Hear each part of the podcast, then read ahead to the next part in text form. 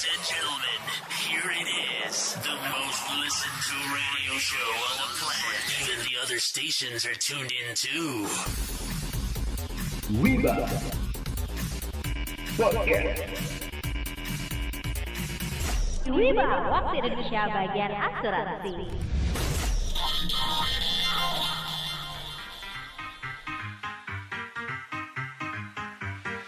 Hola Wibers. Hola Hola, waktu Indonesia bagian asuransi. Ngobrolin asuransi secara ringan tapi berbobot. Yap, kali ini kita ada di podcast Wiba Bukan Gibah episode ketiga. Tiga. Tiga tiga tiga udah tiga aja ya.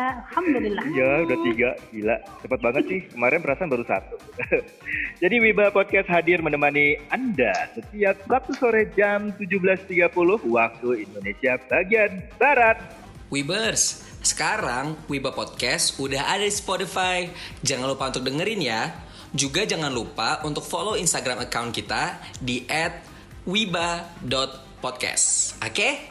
Oke, Wibers ya, kali ini kita sudah di episode 3 di mana minggu kemarin kita udah di episode kedua dengan bahas mengenai penyakit kritis ya, tapi dari sisinya secara umum nih ya, dengan kita bibologisnya dari Mbak Dona Sekor ini. Untuk episode yang ketiga ini ya, kita akan tetap membahas mengenai penyakit kritis nih Wibers ya, tetapi ini tapi kita lihat nih dari sisi medis. Nah, tentunya pada hari ini kita sudah mengundang bibologis yaitu Dr. Herman Irawan. Halo dok. Hore Halo. welcome welcome dok Thank you Dr. Herman ya sudah bergabung di podcast Biba bukan Biba ini. Nah, aku mau sedikit uh, kasih informasi nih Wibers ya mengenai profil dari Dr. Herman Irawan. Nah, Dr. Herman Irawan ini lulusan dari kedokteran Trisakti ya dok ya di tahun Ya, betul. 2011. Oke, dan juga ada spesialisasi K3 dokter perusahaan. Nah, kalau boleh aku tahu nih dok, spesialisasi K3 dokter perusahaan itu seperti apa sih? Ya, ini sebenarnya bukan spesialisasi dokter spesialis ya, tapi mungkin lebih ke spesialisasi bidang. Jadi K3 itu adalah eh, mengutamakan keselamatan dan kesehatan kerja. Jadi kita semua perusahaan, khususnya eh, perusahaan-perusahaan yang lebih dari 500 karyawan itu biasanya menggunakan dokter K3 untuk memanage keselamatan dan kesehatan para karyawannya. Oh oke kalau gitu terima kasih. Jadi kita tadi kan masih sempet bingung ya biasanya kan ada spesialis apa atau apa tapi ini lebih kepada uh, dokter perusahaan seperti itu ya. Oke dokter kita langsung nanya-nanya aja ya ke dokter mengenai apa sih penyakit kritis dan lain sebagainya. Oke Oke. yang mau nanya siapa nih kira-kira nih? Nih Aku mau nanya nih, dok. Oke Iya, Dok, silakan. mau nanya dok. Iya. Em, di episode sebelumnya, gitu ya, kita ada nih dok ngebahas eh, penyakit kritis ya dari apa ya sisi pemahaman umumnya gitu dok ya. Kalau dari sisi medis, gitu ya, sisi kedokterannya itu sebenarnya penyakit kritis itu apa sih dok? Penyakit kritis itu sebenarnya kalau di dunia medis itu adalah suatu keadaan atau kondisi pasien yang memerlukan perawatan yang cukup intensif. Jadi eh, bila tidak mendapat perawatan intensif akan mengancam keselamatan jiwanya. Tentunya akan berbeda dengan eh, penyakit kritis di dunia perasuransian. Kalau di dunia perasuransian kan penyakit kritis lebih ke arah durasi pengobatan, biaya pengobatan, bisa sembuh ke arah normal atau tidak seperti itu. Tapi kalau di sisi medis adalah semua keadaan atau kondisi pasien yang mengancam keselamatan jiwa itu kita sebut penyakit kritis. terus eh, penyakit kritis itu apakah usia mempengaruhi dok Ya, eh, penyakit kritis itu kalau di dunia medis, penyakit kritis itu tidak mengenal usia. Jadi suatu kondisi kedaruratan atau mengancam jiwa itu bisa terjadi dari usia muda sampai usia eh, lanjut ya. Contohnya seperti kecelakaan, perdarahan masif atau perdarahan hebat itu bisa bisa saja menjadi suatu kondisi yang kritis itu kalau di dunia medis. Tapi kalau misalnya di dunia perasuransian, pada umumnya biasanya eh, ini sudah pada pasien-pasien yang 40 sampai 50 tahun atau sudah mulai usia-usia lanjut. Hmm, jadi kalau memang udah usia-usia lanjut uh, lebih apa ya istilahnya lebih besar gitu ya terdampak penyakit kritis gitu ya dok.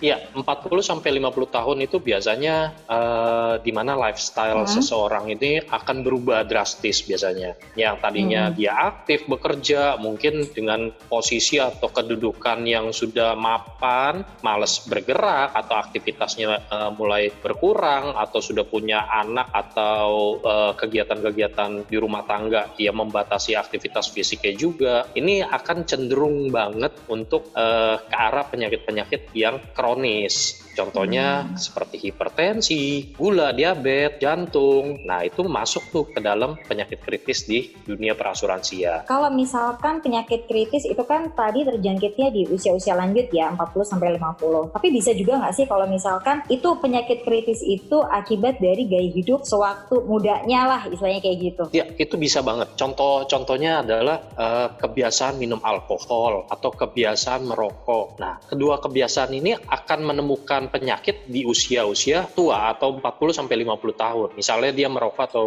eh, minum alkohol di usia 20 tahun dan dia akan me- mengalami fatty liver atau bahkan eh, penyakit hati yang lebih parah dan pada orang yang mengkonsumsi atau merokok di usia 20 tahunan mungkin di 40 sampai 50 tahun dia akan menderita PPOK atau penyakit paru obstruktif kronis. Nah, itu itu yang didapatkan pada usia-usia sekitar 40 sampai 50 tahun. Nah Hmm, tuh, oke. jangan ngerokok tuh, dengerin tuh.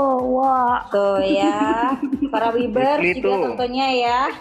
Ya, Rifli tuh sering minum tuak itu. Ya, jadi eh, penyakit-penyakit atau gaya lifestyle eh, yang pada mudanya itu tidak dijaga, memang tidak saat itu juga akan menimbulkan penyakit. 20 sampai 30 tahun ke depan, itulah penyakit-penyakit yang didapat, penyakit paru atau penyakit hati. Itu salah satu contohnya aja. Mungkin banyak lagi lifestyle yang kita nggak nggak tahu atau tidak kita pahami, tapi berdampak di 20 sampai 30 tahun ke depan. Kira-kira untuk penanganannya sendiri dan juga pengobatan penyakit kritis itu berapa lama sih dok? Kembali lagi sih untuk dunia medis dan di asuransi ini pasti berbeda penanganannya Eh, karena tipikal atau tipe penyakit kritis itu juga berbeda. Di dunia medis itu mungkin penyakit yang cukup parah atau sampai mengancam nyawa, eh, tapi bisa sembuh sempurna. Contohnya misalnya eh, seseorang kecelakaan dan eh, terjadi perdarahan di otak. Setelah dioperasi dikeluarkan eh, darah-darah bekunya dan dihentikan perdarahannya di kepala dan diterapi itu akan sembuh. Tapi kalau misalnya penyakit kritis di dunia asuransi, ini penyakit kritis yang sifatnya kronik atau sangat sulit sekali atau belum pernah ya yang saya temuin biasanya ini sembuh total. Seperti contohnya penyakit jantung. Nah, ini harus di maintain terus-menerus gitu. Jadi eh, tidak ada yang namanya penyakit jantung sembuh total tanpa maintain. Itu belum pernah ada. Jadi eh, untuk durasi pasti berbeda. Di mana eh, durasi penyakit kritis menurut asuransi pasti durasinya jauh-jauh lebih lama dan membutuhkan juga biaya yang cukup besar.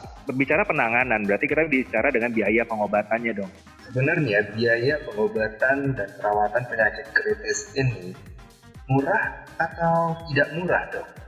Ya, kalau kita berbicara dengan biaya, biasanya kita melihat eh, derajat atau tingkat keparahan dari penyakit itu sendiri. Baik penyakit kritis dari sisi asuransi maupun dari sisi medis itu tergantung dari tingkat keparahan. Jadi seperti contohnya penyakit kritis ginjal. Nah, ginjal yang sudah akhir tahap akhir itu pasti berbeda dengan penyakit ginjal yang eh, pada stadium-stadium awal yang belum memerlukan cuci darah atau masih dengan terapi-terapi obat-obatan khusus. Nah, ini akan berbeda dengan yang sudah harus cuci darah setiap setiap minggu 2 sampai 3 kali. Nah, itu yang akan membedakan besarnya biaya jadi tingkat parahannya. Nah, biasanya kalau penyakit eh, kritis untuk dunia asuransi ini sulit dinilai karena cost-nya ini atau mengeluarkan biayanya tidak sekaligus. Mungkin ada yang sekaligus, tapi biasanya maintenance-nya itu yang cukup lama. Contohnya eh, penyakit jantung, mungkin satu kali di ring itu harganya puluhan juta, 50 sampai 100 jutaan. Itu tergantung dari eh, rumah sakit, kelas kamar yang diambil dan perawatan-perawatannya. Jadi cukup mahal jantung itu. Berikut berikutnya, setelah dioperasi atau dipasang ring, itu tidak cukup sampai situ aja, tapi memerlukan maintenance. Mungkin ada darah tingginya, atau mungkin komplikasi dari gula, atau komplikasi dari ginjal, itu yang harus di-maintain. Biaya-biaya seperti itu yang yang sebenarnya tidak bisa kita hitung secara pasti. Hmm. Jadi bisa dikatakan bisa lebih dari ratusan juta kalau untuk penyakit jantung yang pasang ring. Kalau cuma satu bisa ya 50 juta lah, nggak paling murah gitu ya dok ya. 50 juta. Tapi Iya. biaya perawatan setelah setelah pasang ringnya itu ya dok ya. Ada biaya kamar, ada biaya dokternya, ada biaya-biaya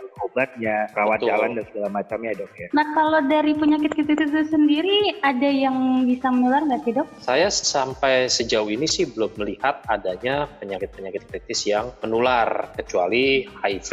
Ada beberapa asuransi yang memasukkan penyakit HIV ini sebagai penyakit kritis dan ada juga yang eh, tidak memasukkan penyakit HIV ini sebagai penyakit kritis. Kalau macam TBC itu masuk penyakit kritis nggak sih dok? TBC menular, iya, Ah, betul. Dia termasuk Jadi, penyakit. ya bisa juga menular juga. Hmm. Sama seperti HIV. Nah, HIV ini menular dan juga penyakit kritis menurut asuransi atau yang kita sebut kronis atau Hmm. lebih dari tiga bulan perjalanan penyakitnya. Selama ini dok kalau dilihat nih selama dokter ada di perusahaan asuransi gitu. eh, klaim yang paling banyak nih, klaim yang terbanyak untuk penyakit kritis itu penyakit apa aja ya? Kita ngelihatnya per yang versi asuransinya dok ya, bukan versi eh, kedokterannya ya. Ya, kebetulan saya di asuransi ini juga memegang penjaminan atau letter of guarantee itu saya yang pegang. Jadi penyakit-penyakit kritis menurut versi asuransi itu ada dua macam. Yang pertama mungkin biayanya yang besar, yang kedua adalah frekuensi yang tersering. Kalau untuk biaya yang terbesar sudah pasti jantung. Satu kali perawatan jantung dengan pasang ring itu paling sedikit sekitar 50 sampai 70 juta paling sedikit. Tapi yang tersering adalah ginjal. Jadi orang yang sudah kena ginjal ini biasanya bolak-balik nih ke rumah sakit dengan cuci darah atau sudah keracunan darah belum sempat cuci darah. Jadi eh, kondisinya parah, masuk ICU. Nah, ini adalah ginjal. Jadi kalau tadi dengar penjelasan dari dokter, penyakit kritis itu sangat serem banget ya kalau dipikir ya bisa terjangkit kepada usia lanjut, tetapi nggak menutup kemungkinan nih para wibers ya, itu dari uh, akibat lifestyle kita di usia-usia muda. Dan ternyata penyakit kritis ini emang berbeda nih dari sisi medis dan juga dari sisi asuransi. Nah tadi yang seperti dibilang sama dokter Herman ya, kalau penyakit kritis ya, kalau untuk dari sisi medis itu ternyata itu mengancam ya, tetapi masih bisa disembuhkan ya dengan cara terapi dan sebagainya. Tetapi kalau yang dari sisi asuransi nih ya, Rebirth, ini sifatnya tuh yang kronis penyakit kritisnya dan juga susah sembuh ya contohnya tadi seperti yang dikatakan dokter Herman adalah penyakit jantung ya. Untuk pasang ring aja itu bisa 50 juta. Ya itu pasang ring doang aja nih viewers ya. Belum lagi perawatan-perawatan yang lainnya. Jadi sedini mungkin ya kita bisa uh, mengatur pola hidup kita yang lebih sehat lagi ya biar tidak terjangkit penyakit-penyakit mematikan di usia lebih lanjut ya. Seperti itu. Ada yang mau nambahin lagi? Mungkin ada, ada tambahan sedikit nih, ada tambahan sedikit. Ya boleh Iya. boleh, Mbak. boleh dok. Ya, Silakan, mungkin kita kita eh, akan menjaga pola hidup kita atau lifestyle kita saat ini karena sudah tahu nih eh, dampak-dampak yang eh, akan terjadi misalnya kita merokok, misalnya kita minum alkohol, misalnya kita eh, makan makanan berlemak, itu mungkin kita bisa menjaga pada saat ini. Tapi kita tidak bisa mengulang kondisi atau keadaan di masa lalu. Ya, ini yang yang perlu jadi perhatian kalau misalnya dari usia-usia muda kita oh lifestyle-nya jelek sekali nih kita merokok iya minum alkohol iya makanan tidak pernah sehat gizinya nggak pernah seimbang Eh, Yaudah. ada baiknya sih Alamat deh ya. eh, ada baiknya kita mencari eh, pencegahannya Ah, masih banyak yang mau ditanyain nih dok. Minggu depan masih boleh nggak ya dok?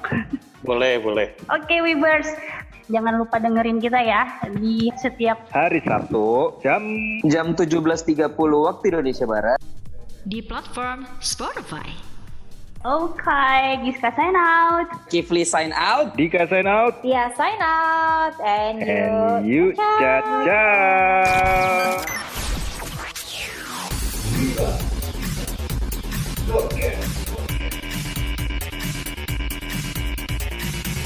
Thank you for listening to our podcast.